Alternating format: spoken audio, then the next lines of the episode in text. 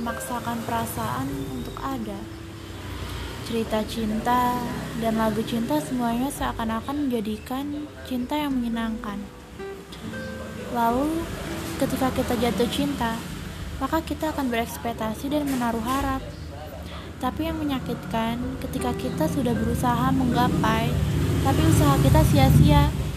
Dan yang bisa kita lakukan adalah berserah pada semesta dan sedikit demi sedikit menjalani hari seperti biasa.